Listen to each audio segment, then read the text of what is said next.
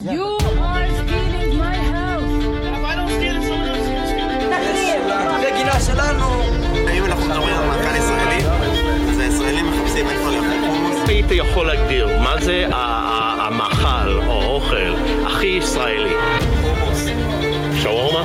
אם אתה יכול להגדיר. חומוס?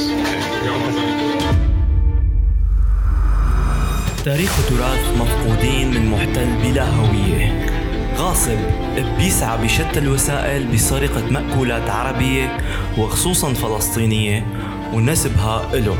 كيان مشتت صدم بثقافة متأصلة بالشعب الفلسطيني اللي كل بلدة من بلداته إلها لبس وزي شعبي بيختلف عن البلدة الأخرى.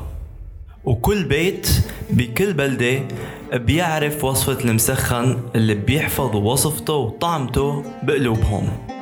والمقلوبة والحمص والفلافل وقلاية البندورة بالبيض اللي ما بتفارق كل بيت فلسطيني. بيلعب الاحتلال اعلاميا وعلاقته مع العالم وخاصة أوروبا بترويج مأكولات فلسطينية على أنها إسرائيلية من باب إطفاء طابع القوة الناعمة للكيان. بعيدا عن فلسطين واللي لعب هالدور لأكثر من 30 عام. محاولة منه بترسيخ هوية إسرائيلية زائفة. محتل لا يتجاوز عمره عن ال 75 عام. بيحاول بشكل دائم البحث عن طريقة لنزع التراث الفلسطيني. ونسب تراث جاهز له لرغبته في سرقة مكتسبات جاهزة بما فيهم الدبكة الفلسطينية.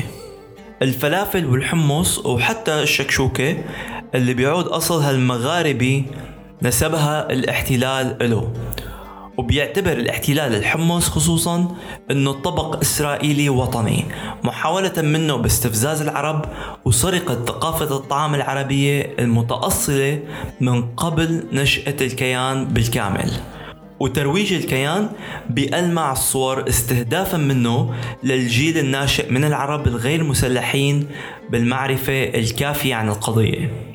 وبهيك منلاقي طبق حمص وبيتحول من طبق طيب إلى صراع وجودي وإثبات هوية من الجانب الفلسطيني. صاحب الأرض الأصلي اللي بيزرعها وبيفلحها وبيحول منتوجاتها لأطباق بنستمتع فيها.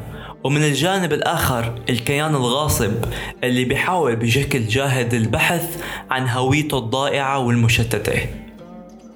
طبق آخر اعتبرته إسرائيل طبق وطني هو الشكشوكة اللي أيضا بتسبق لها. ولكن مصادر بتذكر أنه هالطبق أصله عربي من شمال أفريقيا والشرق الأوسط. ويذكر أنه يهود ليبيا والمغرب هم اللي جابوه على إسرائيل. والمفارقة العجيبة بالموضوع أنه صحفي ذكر أنه لا يحق للمغاربة ينسبوها لهم متناسي أنه اليهود العرب كانوا من العرب قبل إنشاء الكيان أصلاً. مقال لكاتبة طعام إسرائيلية كتبت في المقال إلها وهاجمت كتاب طبخ إسرائيلي اللي بيحوي وصفات فعليا عربية وما ذكر أصلها وكأنها إسرائيلية بدون ما يرجع ويذكر الكتاب أنه الوصفات متأثرة بالمطبخ العربي. وقالت عن الكتاب أنه ما بيعرض مطبخ إسرائيلي ولا حتى جايب وصفات جديدة. وبهيك فينا نشوف كيف الاحتلال بيحاول يجرد الشعب الفلسطيني مو بس من أرضه ولكن من ثقافته وتراثه وحتى طعامه محاولة منه بإظهار نفسه بأبهى حلة. وهو بعيد كل البعد عن ذلك. ولهيك من واجب كل واحد فينا يعرف تاريخ وقصص الأكلات الفلسطينية من أهلها ويعرف الناس فيها.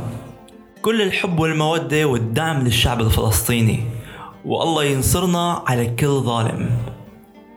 إذا عجبتك اليوم حلقة البودكاست وحسيتها مفيدة حاول تشاركها لأكبر عدد ممكن من الأصدقاء لحتى نوصل صوت القضية لأكبر عدد ممكن.